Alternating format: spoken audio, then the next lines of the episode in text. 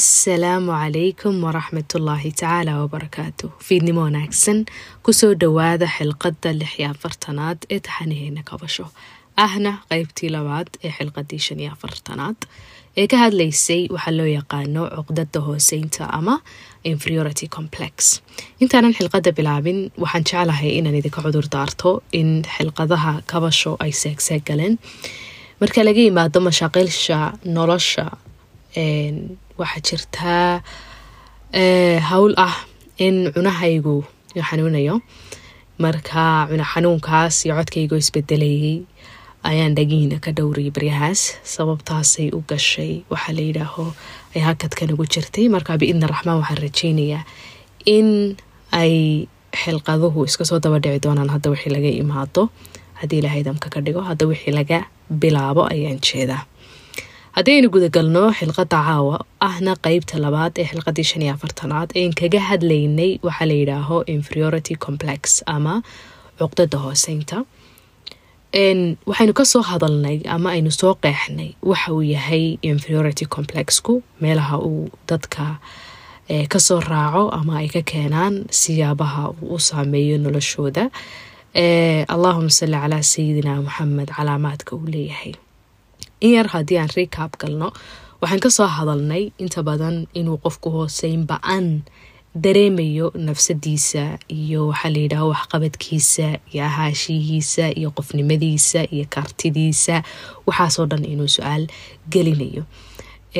Waxaynu soo kala qeexnay in marar badan ay dabiici tahay inuu qofka baniaadamkahay markuu waxuu ku cusub yahay una hore u qaban uu qabanayo ay shay caadiya tahay ama la fili karayo inuu wax iska weydiiyo ama su'aal geliyo ama shaki yar xoogac ka galo waxaa la yidhaaho waxqabadkiisa ilaa inta uu gelayo xaalad adjustment ah amba la qaabsiya imaa haddii ay chronic noqoto waxaa la yidhaaho inferioritygu ama cuqdada hooseyntu lidaraja uu qofka sawirkiisii uu naftiisa ka haystay oo dhan uu daboolo oo uu mid negativa noqdo. Markaasuu cudur noqdaa markaasaynu u baahana inaynu ku baraarigno markaasaynu u baahna inaynu wax iska weydiino markaasaynu u baahana inaynu su'aal gelina meeshuu inaga soo raacay.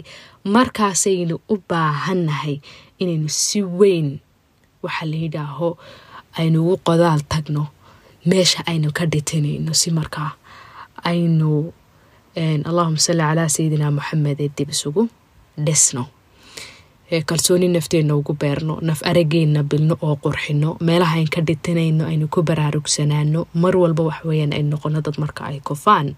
Kaca biidni araxmaan waxaynu ka soo hadalnay in calaamaadka lagu arko qofku markuu inferiority complex ba'ani gudihiisa cuqdad hooseyneed oo ba'ani ay ku jirto in mar walba uu ku focus gareeyo maskaxdiisu ay ku focus garayso ama ay diiradda saarto afkaaro liidaya shaqsiyadiisa iyo qofnimadiisa gudaha oo qofkii ka duunsanaanayo.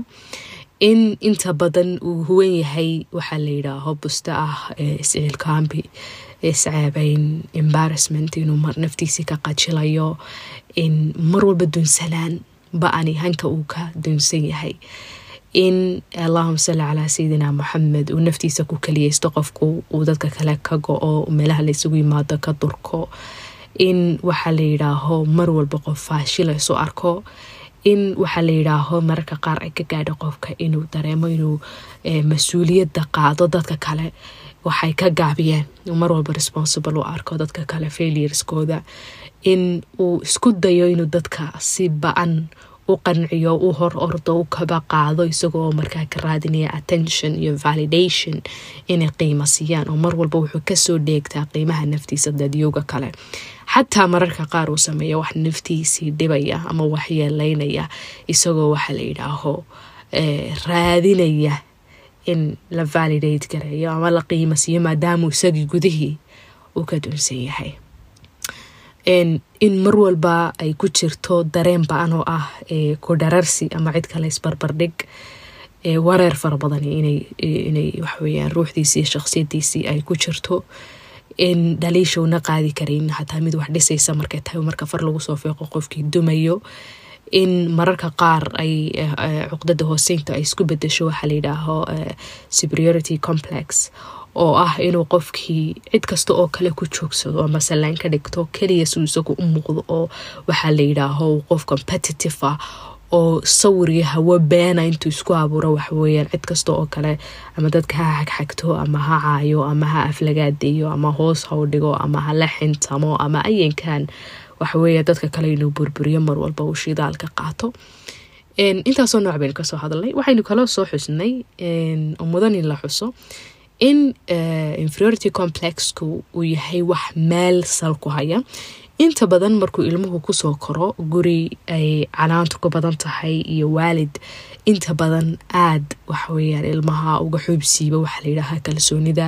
Habeenkiiya maalinta uu farta ku fiiqan yahay qaabka tarbiyadda loo tarbiyaday qaab authoritative ah uu yahay oo waaliduun habeenka iyo maalinta ilmihii caayaya shaksiyadiisii wax ka sheegaya midabkiisii wax ka sheegaya tintiisii wax ka sheegaya dherarkiisii wax ka sheegaya hadalkiisii wax ka sheegaya aqoontiisii wax ka sheegaya ilmo dunsan oo burbursan soo saaraya deetana ilmihii uu ku soo koraya waxa layidhaaha soft out nafka shaki ba'an ba'an ba'an ba'an inuu hadalkiisi ka shakiyo inuu ficilkiisa ka shakiyo inuu sawirkiisa ka shakiyo inuu suu eegiyo ka shakiyo inuu suu labsay ka shakiyo inuu suu soconaya ka shakiyo mar walba ceebaal ba'ani ay gudihiisa ay deganaadaan.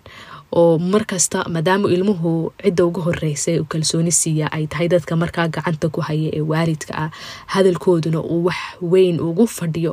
Hadday habeen iyo maalin stupid baa tahay ay ku leeyihiin doqon baa tahay maxaa la dhahaa caanyaa tahay maxaa la dhahaa qof bilaa kartiyaa tahay qof sanweeg baa tahay qofaan hadalka karin baa tahay waxaa laga yaabaa hadalka karin haddii lagu celiyo qofka isagoo caadiya oo wax medical issues ayna jirin dhibaato caafimaad ayna jirin xataa inuu hagaaga yeesho inuu hadalku ka soo bixi waayo inuu qofan haldin noqdo in oohintu ay ka soo horeyso.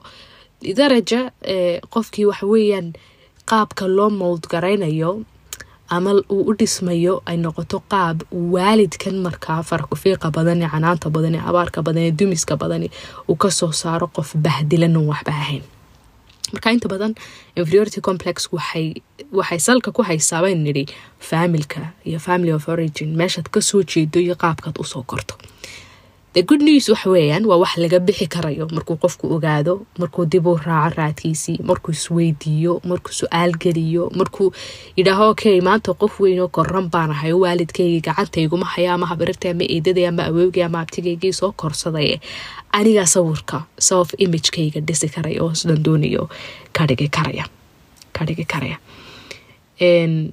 allahuma salli calaa sayidina maxamed waxayn kaloo ka soo hadalnay society-ga. Waxaa la yidhaaho especially waxaan tusaale u soo qaatay waxaa la yidhaaho beauty standardska nimanka suurtagalka ahayne aadka u hooseeya especially dumarka loo dhigay midabkoodii lagu liidayo waxaa la yidhaha caafimaadkoodii la khalkhaliyo halis gelinayo kiniinada hablaha isku gurayaan badiirkii ay iska qaadayaan midabkoodii u dhalan rogayaan dhaqaalahoodii iyo naftoodii iyo ruuxdoodiiba ay u hantaaqayaan iyakoo doonaya sawir beeneed bulshadu ay u dhigtay amba ragga la sheekaysta iyo dadka gayaankoodii ay u dhigtay maadaama inantu haddayna saa u ekayn aan aanay favorite ahaynon waxaweyaan la doorbidaynin inay su ekaysiiso si markaa ay noqoto qof la doorta u noqoto.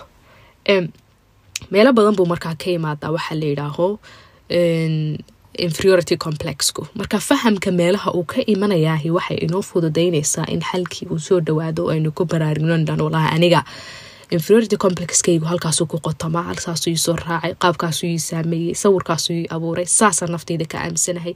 Aaminaadaan nafteyda ka aaminsanahay aawadeed baan halkaa ugu kufay ama waxaa uu sameyn kari waayey ama halkaa u dhaafi kari waayey ama cilaaqada ugu guuldaraystay ama shakhsiyadeydu ay saa u noqotay amba hadalkaygu sidii la doonaya u noqon waayey.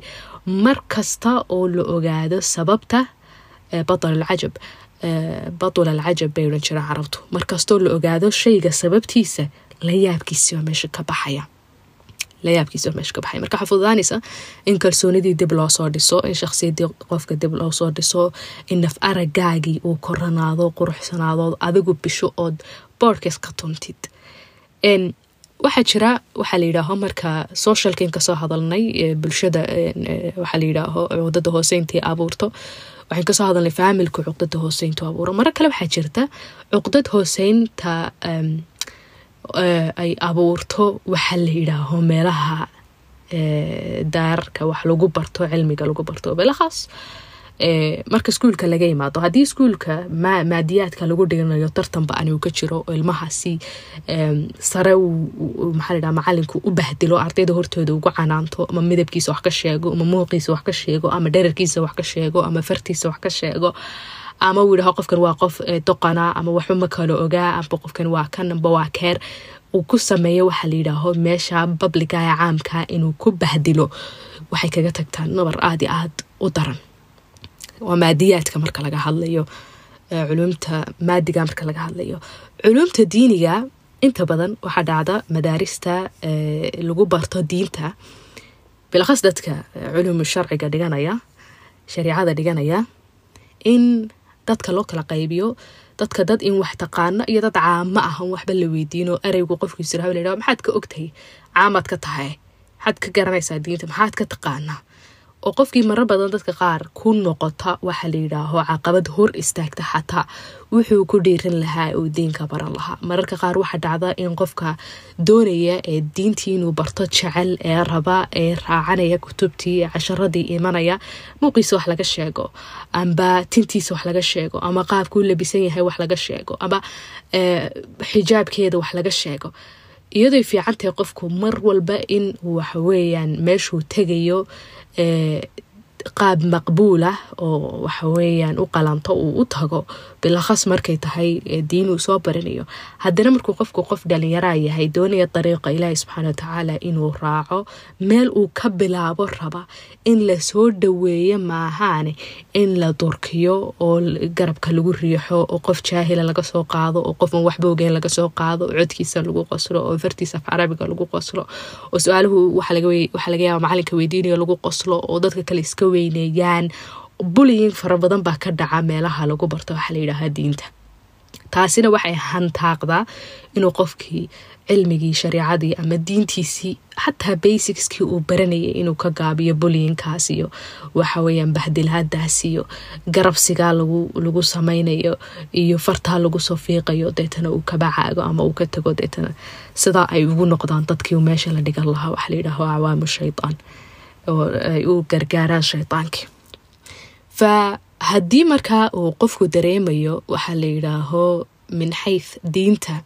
Hadduu inferior ka yahay oo dareemaysid cilmigaaga diineed inuu aada iyo aada u hooseeyo misena aada ku wareersan tahay waxaa la yidhaaho halkeen wax ka bilaaba amba sideen wax u bartaa halkeen markaan doonaya diinta inaan barto ka bartaa falilahi alxamdu walmina inaku markaynu dad soomaaliyeed nahay meeshayn doona ayn deganaano inta badan waalidkeena wuxuu ku dadaalaa waxa ugu yar uu diinta inaga bari karo inuu inaga baro qur'aanku isagoo su'aal lama geliyo iyadoo ay roon tahay in mar walba tafsiirkiisa iyo asbaab nusuulkiisa iyo qawaacidiisa iyo waxaweeyaan fahamkiisa xeesha dheerle aynu ku dadaalno haddana waxa ugu yareynayna bara waxay inaan qur'aankii dareerino inaynu barano akhriskiisiina aynu naqaano si markaa aanad waxa weeyaan inferiority kaaga soo gelin ama hooseyn waxaa la yidhaaho cilmigii diininta. Qur'aankaagii waa inaad baratid oo weliba qaab aanad ku dadaalin waxaa la yidhaaho xadiga qur'aan ee taqaano aanad u baran aad ku dadaashid tayada aayaadka aad taqaanid tayada maxaan uga jeeda waxaan uga jeedaa markastoo qur'aanka aad baratid aad tafsiirkiisa baratid uu ka macno iyo maqaam ku leeyahay nafta iyo gudahaaga inaanad dareerinuna keliya bal aad baratid. Alqaaricatu malqaarica maxay ka macno tahay? Idaa su'ila saa'ilun maxaa la dhahayaa? Sa'ala saa'ilun bicadaabin waaqic inaad baratid. Washamsi waduxaaha inaad baratid. Maxay ka macno tahay? Halkay ku soo degtay maxaa looga jeedaa inaan barano? Markaa kabacdi basicska inaad bilowda halkan wax ka bilaaba. Halkeeban wax ka bilaaba qur'aanka xifdigiisii iyo fahamkiisii axaadiis baan rabaa inaan barto. Halkan ka bilaaba arbaciin nawawiyaan ka bilaabaa ama axkaam baan ka bilaabaa hayema buluuqulmaraan baan ka bilaabaa allahuma salli calaa sayida maxamed halkan wax ka bilaabaa marka tasalsul inaad samaysidoo aanad mar keliya rabin intaad jibootid inaad wax walba dusha ka martida bal maalin walba aad tallaabo qaadid oo aqoontaadii shalay tole halkay taagnayd. Hal ka sareysa aad istaagtid. Hal ka inaad istaagtid. Kutubta tawxiidka markaad doonaysa inaad baratid maxaa la dhahayaa? Thalaathatu lusuulka inaad baratid iyo iyo adiladeeda. Qawaacid alarbaca inaad baratid. Kashfu shubahaat inaad baratid. Kitaaba tawxiid. Haddaad maxamed bin cabdilwahaab aad baranay sidoo kale. Risaalaad kaleo mukhtasaraa jira. Caqiidada markaad doonaysa ina baratid caqiida alwaasitiya waxaan jeedaa tawxiidku hoos imanayaaye allahuma salli calaa maxamed naxwaha markaad doonaysid inaad baratid ajrumiyadda marka laga imaado mujalad alcaraabka lilxariiri qadru nada ibnu hishaam allahuma salli calaa sayidina maxamed marka tasalsulkaasi wuxuu kaa caawinayaa inaanad gabaninoo hadhow toole qof kale ku odhan caamaa tahay waxba meesha kama haysidaas ka tag ama aana lagu buli garaynin. Mar walba waa muhiim markaad diintaada baranaysid axaadiista baranaysid qur'aanka baranaysid suun cilmi shariiceed aad u baranaysid inay kugu hareereysnaadaan dad positiva oo aan meelna kaa riixanaynin firaqaad kalena kaa raacaynin adigana ku jaaj garaynaynin garabkana kugu dhufanayso xulkana kugu riixaynin gacanta ku soo qabta. Oo awliye ah oo yani weli ku ah oo kula jecel khayrka iyo barakada iyo wanaaga zaadka maxaa la dhahaya fiqiga markaad baranaysid maxaa la dhahi jiray zaad almustanqac markaad baranaysid cumdatulfiqi markaad baranaysid allahuma salli calaa maxamed tafsiiraadkoo kale halkaad doonaysid inaad ka balowdid jiraan dadaad la tashatid oo tiraa halkaa iigu fudud. Af carabigaaga levelkiisa waa eegtid dad u baahan inaad horta marka hore af carabiga iska dhistid waa inaad dhistid kabacdina waxa weeyaan aad kutubta yari raacdid sheekhaad ku kalsoon tahay oo naftaadiiyo ruuxdaada raali gelinaya oo luuqad ay ruuxdaadu wax ku fahmi karayso wax ku sheegi karaya oo townkiisa aada ogoshahay. Misena aad og tahay inuu bidac iyo madmadow ka madhan yahay. Ka raaco markaa tafsiiraadka halkaad ka bilaabaysid ibnu kathiir baad ka bilaabaysaa usuulu tafsiir almuqadimada libnu taymiya oo kale siiradii nabiga caleyh salaatu wassalaam mukhtasaraadkeeda iyadoo la dhegeysanayad helaysaa ad dhegeysan kartid af soomaaliya af carabi bale. Hadaad maxaa la dhahayaa af carabi aad ku baranaysid mukhtasarkeeda waxaad akhrii karaysaa maxamed ibn cabdilwahaabkiisa raxiiqulmakhtuumka safiya cabdiraxmaan safiy raxmaan ha marka mar walba horta awal shay weynaad og tahay waxa la yidhaaho inferioritigaagu meesha ka imanayso. Ma physical ba ma emotional ba ma intellectual ba ma financial ba xaggay cuqdadu kaaga jirtaa waa fari muhiim inaad ogaatid. Inaad hee ogaatid waa fari muhiim. Aada bay muhiim u tahay. Waxaa la yidhaaho diinta marka lagu soo noqdo mar walba in aad aanad jiboonin waa muhiim in aad very selective ahaato dadkaad wax ka baranaysay qaabkaad waxu baranaysa iyo kutubta tasalsulkooda iyo meesha aad intaanad la isla waxaa la yidhaaho takhasusyo waxaas. Si guud markaad waxu baranaysid dad ahlu thiqa ah oo lagu kalsoonaan karo inaad wax ka baratid. Madaaris ahlu thiqa inaad wax ka baratid. Qaabkaad waxu baranaysa qaab naftaadiiyo ruuxdaada u dhow ha noqdo luuqadaad wax ku fahmi karaysid townaad ogoshahay si fudud oo aanad waxweeya naftaad ka qaadin oo aanad hadhow toole markiiba ka soo boodinoo yacni dawaam leh. Mar walba waa muhiim markaa in nabigu calayhi afdal salaatu waatamu tasliim wuxuu yidhi almu'minu alqawiyu khayrun wa ila allahi min almu'min aldaciif wa fii kullin khayr. Mu'minka qawiga qawiyun fii iraadatihi. Qawigu waxweeyaan inaad awoodi ay ku laran tahay doonitaankaaga baaritaankaaga aqoon raadintaada fahamkaad doonaysa inaad wax fahamtid mafaatiixdan kownka ilaahayba subxaanahu watacaala gacanta ku haya ilaahay subxaana watacaala inaad weydiisatid mafaatiixdan kownka uu gacanta ku hayo haddaad cilmi doonaysid iyo haddaad risiq doonaysid iyo haddaad deganaashi doonaysid iyo haddaad ubad doonaysid iyo haddaad cilmi mid maadiya mid diini doonaysid iyo haddaad kalsooni doonaysid adiguna waa inaad sacyigii la timaadaa. Markaad qalinkii buugaysa saartida tira okay xalka aniga laga haystaa xaggan ka dhigtaniya xaggan u baahan inaas ka dhiso. Yaa iigu dhowaan meesha aan doonaya inaas ka dhiso aan wax ka weydiin karaa tala ka weydiin karaa wadaday mareen mari karaa. Allahuma salli calaa sayidina muxamede xaggaan iska dhisi karaa qaabkeeban dhismaha u bilaabi karayaa luuqadeeban wax ku fahmi karayaa. Waxaa la yidhaaho waqtigaygu waa sidee maxaa i caawin karaya maxaa i hor istaagi karaya waxa i hor istaagi karaya sidee baan uga gudbi karaya marka waxaad noqonaysaa qof adduunkiisa iyo aakhiradiisaba inuu guulaysto ka shaqaynaya arrinka ugu dambeeya ee aan doonaya inaan dul istaago waxa weeyaan waxaa la yidhaaho ee sababa amba keena inferiority complexka waxaa la yidhaaho culture shock. Culture shock waa maxay culture shock wuxuu dhacaa markuu qofku ka tago meeshuu deganaa wuxuu yaqaanay dadku yaqaanay luuqaduu fahmayay cuntaduu cuni jiray asxaabtiisii ehelkiisii.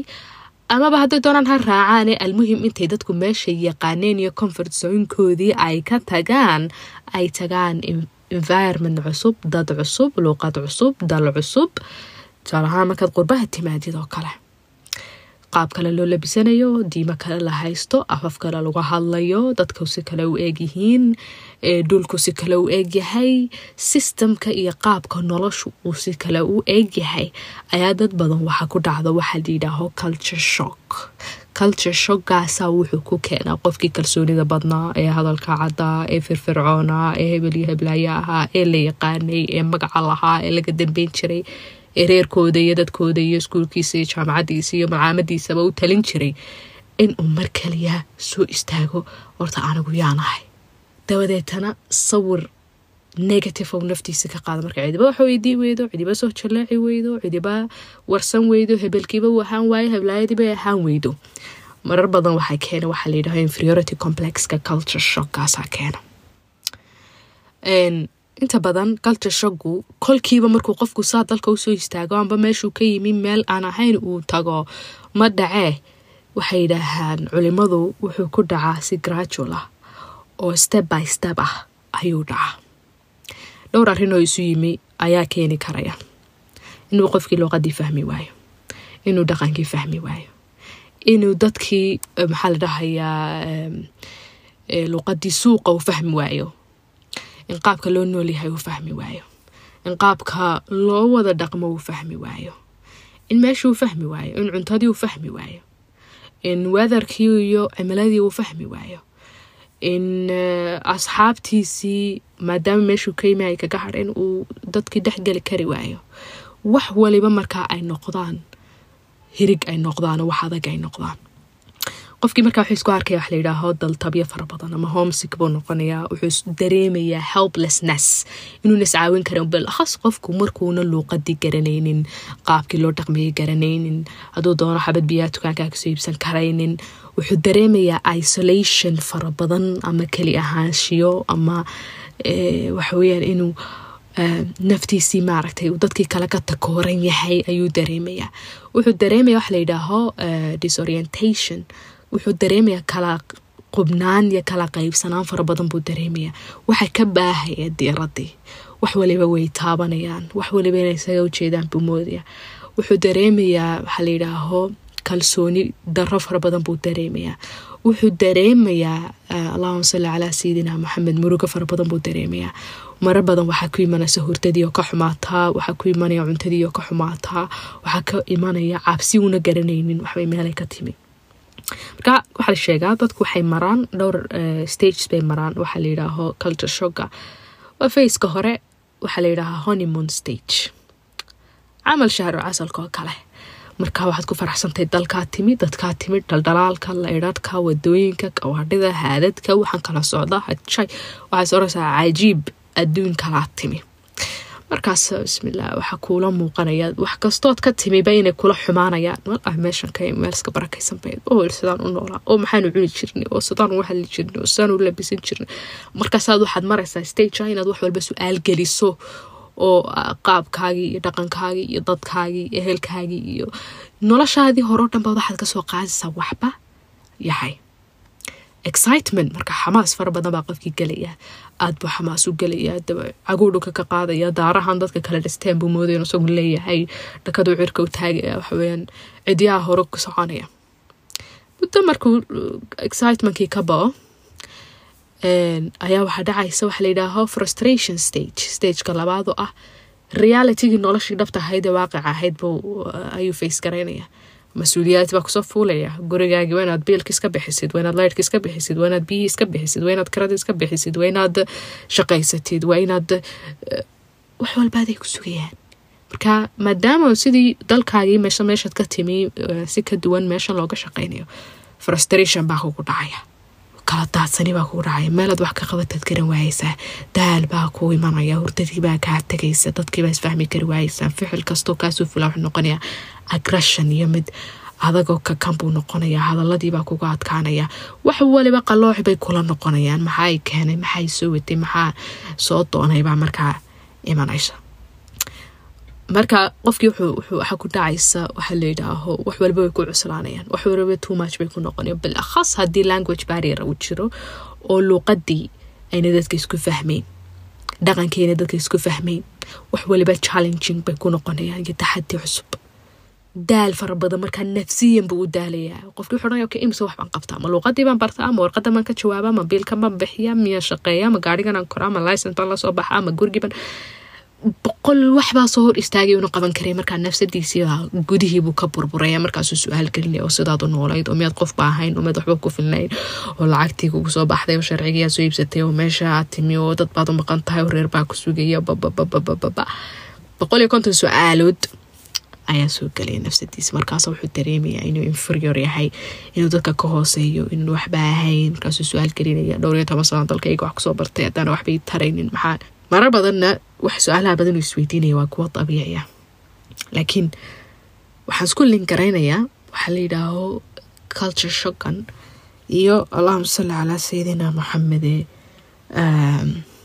cuqdada hoseynta cuqdada hoseynta stageka stageka ku xiga waxaa la yidhahaa adaptation stage.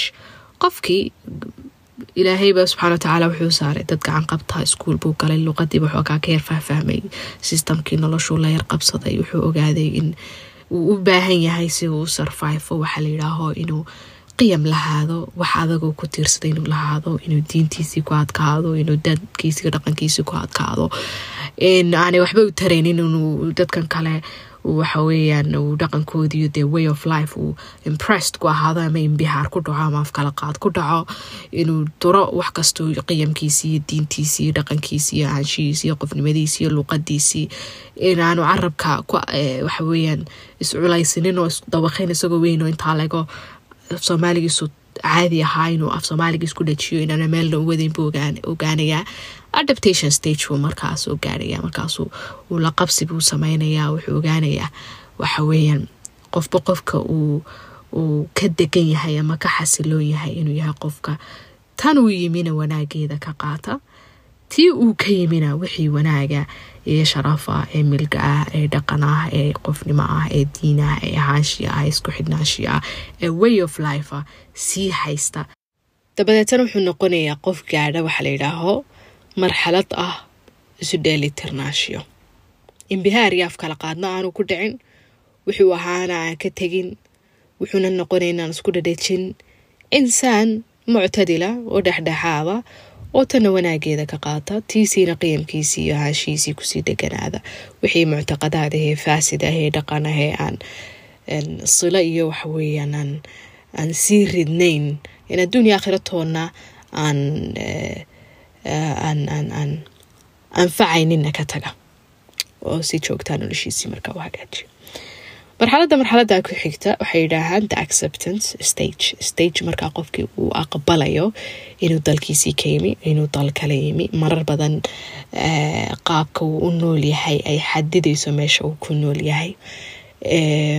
Allahuma salli calaa maxamed munasalaadka iyo waxaa markaa markaa ag yaalla qaabka uu wajahayo iyo qaabka uu u xalinayo iyo qaabka uu u falkinaya mar walba ayna noqon meeshuu ka yimi meeshuu markaa uu joogo la falgelaya insaan xay ah oo nool oo naftiisuna nooshahay damiirkiisu nool yahay doonitaankiisu nool yahay aan kolkiiba isdhalan rogin oo waxa weeyaan hawo beeni ayna ka buuxsamin. Noqda dabadeetana acceptance yeesha yeesha oon kala qaarnaanin kala qaarnaanin. Ayuu noqonayaa. Marka beliefskiisii ama aaminaadihiisii attitudekiisii habdhaqankiisii aragtidiisii nololeed ku deganaada oo hagaajiya meeshan uu ku nool yahayna sidaan soo sheegay wanaageeda iyo horumarku naftiisa wixii uu kasban karayo uu kasbada. Markaasay koraysaa waxaa la yidhaaho markuu arko mar walba isagoon wanaagiisiina ka tegin allahuma salli calaa maxamed roodskiisu ay adag yihiin oo qiyam iyo mabaadi ay ku aasan yihiin at the same timena la haysta qaabkan uu nool yahay nolosha markaa meesha uu joogo waxaa kor u kacaysa waxaa layidhaaho kalsoonidii uu naftiisa ku qabay waxaa kor u kacaya ama hagaagaya ama qurux badnaanaya sawirkii uu naftiisa ka haystay allahuma salli calaa maxamed waxaa soo yaraanaya ama soo koobmaya faham la'aantii ka haystay iyo caqabaadkii ka haystay waxa weeyaan markaa meesha uu ku noolyahay iyo dadka uu la noolyahay markaasuu qof relaxta uu degan noqonaya qof faraxsan noqonaya markaasay markaa kor u kacaysa waxaa la yidhaaho allahuma salli calaa sayidina maxamed kafadiisii ahayd inuu koro qofkii inuu koro cilmigiisii adduunyo iyo kiisii aakhiro. Labadaba uu koriyo dhaqaalihiisii uu koriyo nafsadiisii uu koriyo xidhiidhadiisii uu koriyo ummadda uu wax la qabsado dhaqankiisii hore ee bilaayo wanaagsanaa intii wanaagsaneed uu ka haysto kan kale wixii la wanaagsanaada uu ka qaato. Isagoo og waxaweya mid walba meesha uga yimi. Markaasna waxaa ka baaya qaladii iyo waxa weeyaan quursigii uu naftiisa quursanayay oo sawir qurux badan baa uu samaysmaya allahuma salli calaa sayidina maxamed qofku waxaa la yidhaaho sidan xilqadan iyo xilqadii horeba ku sheegayo cuqdada hooseynta waa wuxuu ka bixi karayo maaha waxaan xal lahayn. Wax aan xal lahayn ma aha. Mididi kamidi dareemaya waxaa la yidhaaho culture shoggaas uu yidhaha aniga wallahi halkaas waxay ka yimaadeen halkan wax ka bilaabaa waa maxay arrinka ugu horreeya? Waxweeyaan horta inaad evaluate garayso qofkii aad ahayd markaad dalkaaga ka imanaysay wixii macno kuu sameynayay qiyamkaaga iyo mabaadi'daadu waxay ahaayeen. Waxyaabaha aanad ka gorgortami karaynin waxyaabaha mar walba asaasiyaadka ku ah kuwaasaad ku duldhisi karaysaa markaa waxaa la yidhaaho wixii horumaree cusub aad rabtid inaad samaysid kow. Waa inaad ahaatid qof maskaxdiisu ay furan tahay oo u furan tahay inuu wax cusub baran karayo. Qof meel ku dhegan waa inaanad aanad noqonin. Meel ku dhegan waxaan u jeedaa yani skillskiisa xirfadihiisa nololeed fahamkiisa luqadiisa qofnimadiisa inuu bilo. In qof u furan uu noqdo. Waxaana markaa aan aanan su'aal kaa gelayn amaad ka gorgortami karin waa diintaadii waa qiyamkaagii waa akhlaaqiyaadkaagii waa ahaanshiyahaagii waa koriimadaada intii quruxda badnayd ee bil akhas waxaweyaan muctaqadkaaga ku salaysnayd. Waxaale wixii kale ee ka soo haraa waa waxaad wax iska weydiin karaysid waa waxaad bili karaysid waa waxaad hagaajin karaysid waa waxaad qurxin karaysid waxaad qurxin karaysid ha isku dayin mar walba in aad saantii horead ku noolayd aad ku noolaatid oo tirayd maxaan halkii saasaan hargeysa ku noolaa amase muqdisho saasaan u amase jabuuti saasaan maxaan halkan ku noolaan waaye dabadeetana. Laba waxaa la yidhaaho oo kala duwan baad ku noolaanaysaa kala qaybsanaanta taasaa kuu keenaysa. Marka waa su cagaduwa meel suga cagaduwabay soomaalida tirahaa waa meel suga cagaduwataa deetana aad aqbashaa noloshan cusub ee aad imika joogtid iyo isweydiisaa sida ugu quruxda badan ee inay wax kaaga kordhaan mooyaan waxba ku waayi karin aad ula geli karaysid. Waxaa ku caawin karaya in aanay kugu ballaarin oo aanad ku fatahmin hareerahaaga waxaa ka dhacaya journaling waxa la yidhaaho inaad kolba experiencekii wixii aad la kulanto aad qortid siday kuu saameeyaana aad ogaatid wixii positive aad ka qaadatid wixii negativena aad ka tagtid inaanad isxirxirin waa dadka dhex gashaa waa qof actifa noqotaa waa dadka la hadashaa waa wixii aad dhegeysan jirtay hadday berigii hore luuqadaadii hooyo ahayd luuqadan imika dalkana timi waa wax ku dhegeysataa isku dayda inaad fahamtid sida ugu fududaad u fahmi karaysid dad bartay waa la kulantaa siday u barteen wixii ka caawiyey kutubtay akhriyeen qaabkay mareen manhajkay qaateen waxaasoo dhan wax iska weydiisaa qof waxaa la yidhaaho allahuma salli calaa maxamed daacada waa inaad noqotaa. Waxaanad garanayn waa inaanad iska dhigin inaad garanaysid wixii aanad garanin ma garanaya dheh waa inaad qof daacada noqota haddaad noqon meesha baska laga raaco haka xishooni wayn tiraa walaal xaggaasaan ku socdaa baskaasaan raacay xaggaan u raacaa xagee markuu u socdo stobteebaan ka raacaa tareenkan tareenkeebaa igu xidhaya halkaasaan tegaya qaabkeebaan oysterkan u isticmaalaa kaarhkan u isticmaalaa bankigan xaggaan ka soo furtaa warqadan sidaan uga jawaabaa albaabkan sidaan u furaa ceeb maaha inaad wax baratid wixii aanad garanayn ma garanaysid. Always as maxaa dhahay advice iyo caawimo dadka weydiiso dadka kale markay kula sheer garaynayaan dhaqankooda iyo backgroundkooda ha ka xishoonin adigu backgroundkaaga. Qof soomaaliya tahay inaad reer guraa tahay inaad halkaa ka timi inaad qaabkaa u soo kortay inaad geeljiro tahay ama geeljiro ahayd ama ayeeda ahayd iskuulkaa inaad tegi jirtay malcaamada inaad tagtay waxa inaad soo baratay dadkiinu saa u noolaayeen. Qof kasta oo proud ku ah meeshuu ka yimi iyo roodkiisii iyo xididkiisii ummadda ilaahay kale way ixtiraamtaa laakiin maalintaad meel kala tagtid haddaad ka faantid diintu sidanay ahayd dadku saanay ahayn dhaqanku saasuu ahaa dadku way dambeeyeen babababa hawe kale ay ku gasho tanna waad ka tegaysaa tanna gaari maysid deetana meel dhexaad ku lumaysaa meel dhexaad ku in aad ka baxdid waxaa la yidhaaho waxyaabaha qofka ku sii haya allahuma salli calaa maxamed cuqdada hooseynta waxaa ka mid ah in aad u aragtid wax walbaaba ama ha wanaagsanaadaan. Waxay dhahaan fikraddaas waxaa loo yaqaanaa all or nothing thinking. Inaad tirahayd ama wax waliba way wanaagsanaanayaan ama wax waliba way xumaanay maxaa laga wadaa? Salahaan meel baad ku kuftay waxbaad garan weyday meel baad ku yar hakatay waxbaad sidii doonaysa ku noqon waayey. Markiiba inaad shaabad isku dhufan anad odhan awalba useless baan iska hayaday magacaas ii taqaanay ama ragga jaarku saas ii sheegi jireen ama berigan yarasasa ligu yiri wallahi waxbaa ka jira weliga inaad meel gaadheen babababa inaad ogaatid maalin inaad ku faysid maalin inaad kacaysid shalay waxaad garan weyday maanta inaad garanaysid mar walba inaad lahaatid waxaa la yidhaaho mental filtering. Mental filtering waxa weeyaan in aad u fiirsatid maskaxdaadu. Horta bal adu markaad dib isugu noqotid cuqdada hooseyntaada aad fahmaysid waxaad ku focus garaysaa waaxay maalintii meeshaad ku kuftay meeshaad waxba garan weyday wixii fahmi weyday unbaad ku kuftaa. Weligaa waxa kuu register garaysana meel kuu yaalaa ma jeeraad dhacday ama inta jeeraad kuftay ama jeer waxba garan weyday ama jeeraad mise waxaad tahay qof naftiisa cadaali u ahoo way kuu seefgaraysayiin maalmihii aad iftiintay maalmihii aad wax garatay maalmihii aad wax saxday maalmihii aad guuleysatay maalmihii aad kartida lahayd maalintii aad cajaayibka ahayd way kuu seefgaraysan yihiin. Markastooy wanaagaaga iyo kacaaga iyo kufkaaga labaduba ay kuu seefgaraysan yihiin. Waa markastood isku barxi karaysid markaad kuftidaa soo kici karaysidood. Maalintaad positiveka ahayd ama wax wanaagsan ay kuu qabsoomeen ay gacanta ku soo qaban karto odan karto walahi maalintii saas waa anigii saa sameeyey. Majimaanta wana haddana kan ku yar kufay waan ka soo kacaya. Waan ka soo kacaya. Kolkiiba inaanad naftaada shaabadaynin. Haddaad doonayso inaad ka baxdid waxaa la yidhaaho allahuma salli calaa cuqdada hooseynta. Cuqdada hooseynta. Waxaad ogaataa fikir kasta oo negative oo maskaxdaada kuu sheegtaahi inuuna awood kugu lahaanaynin inaad adigu awood siisid. Markasta waxaan ku soo celceliyaa kabasho.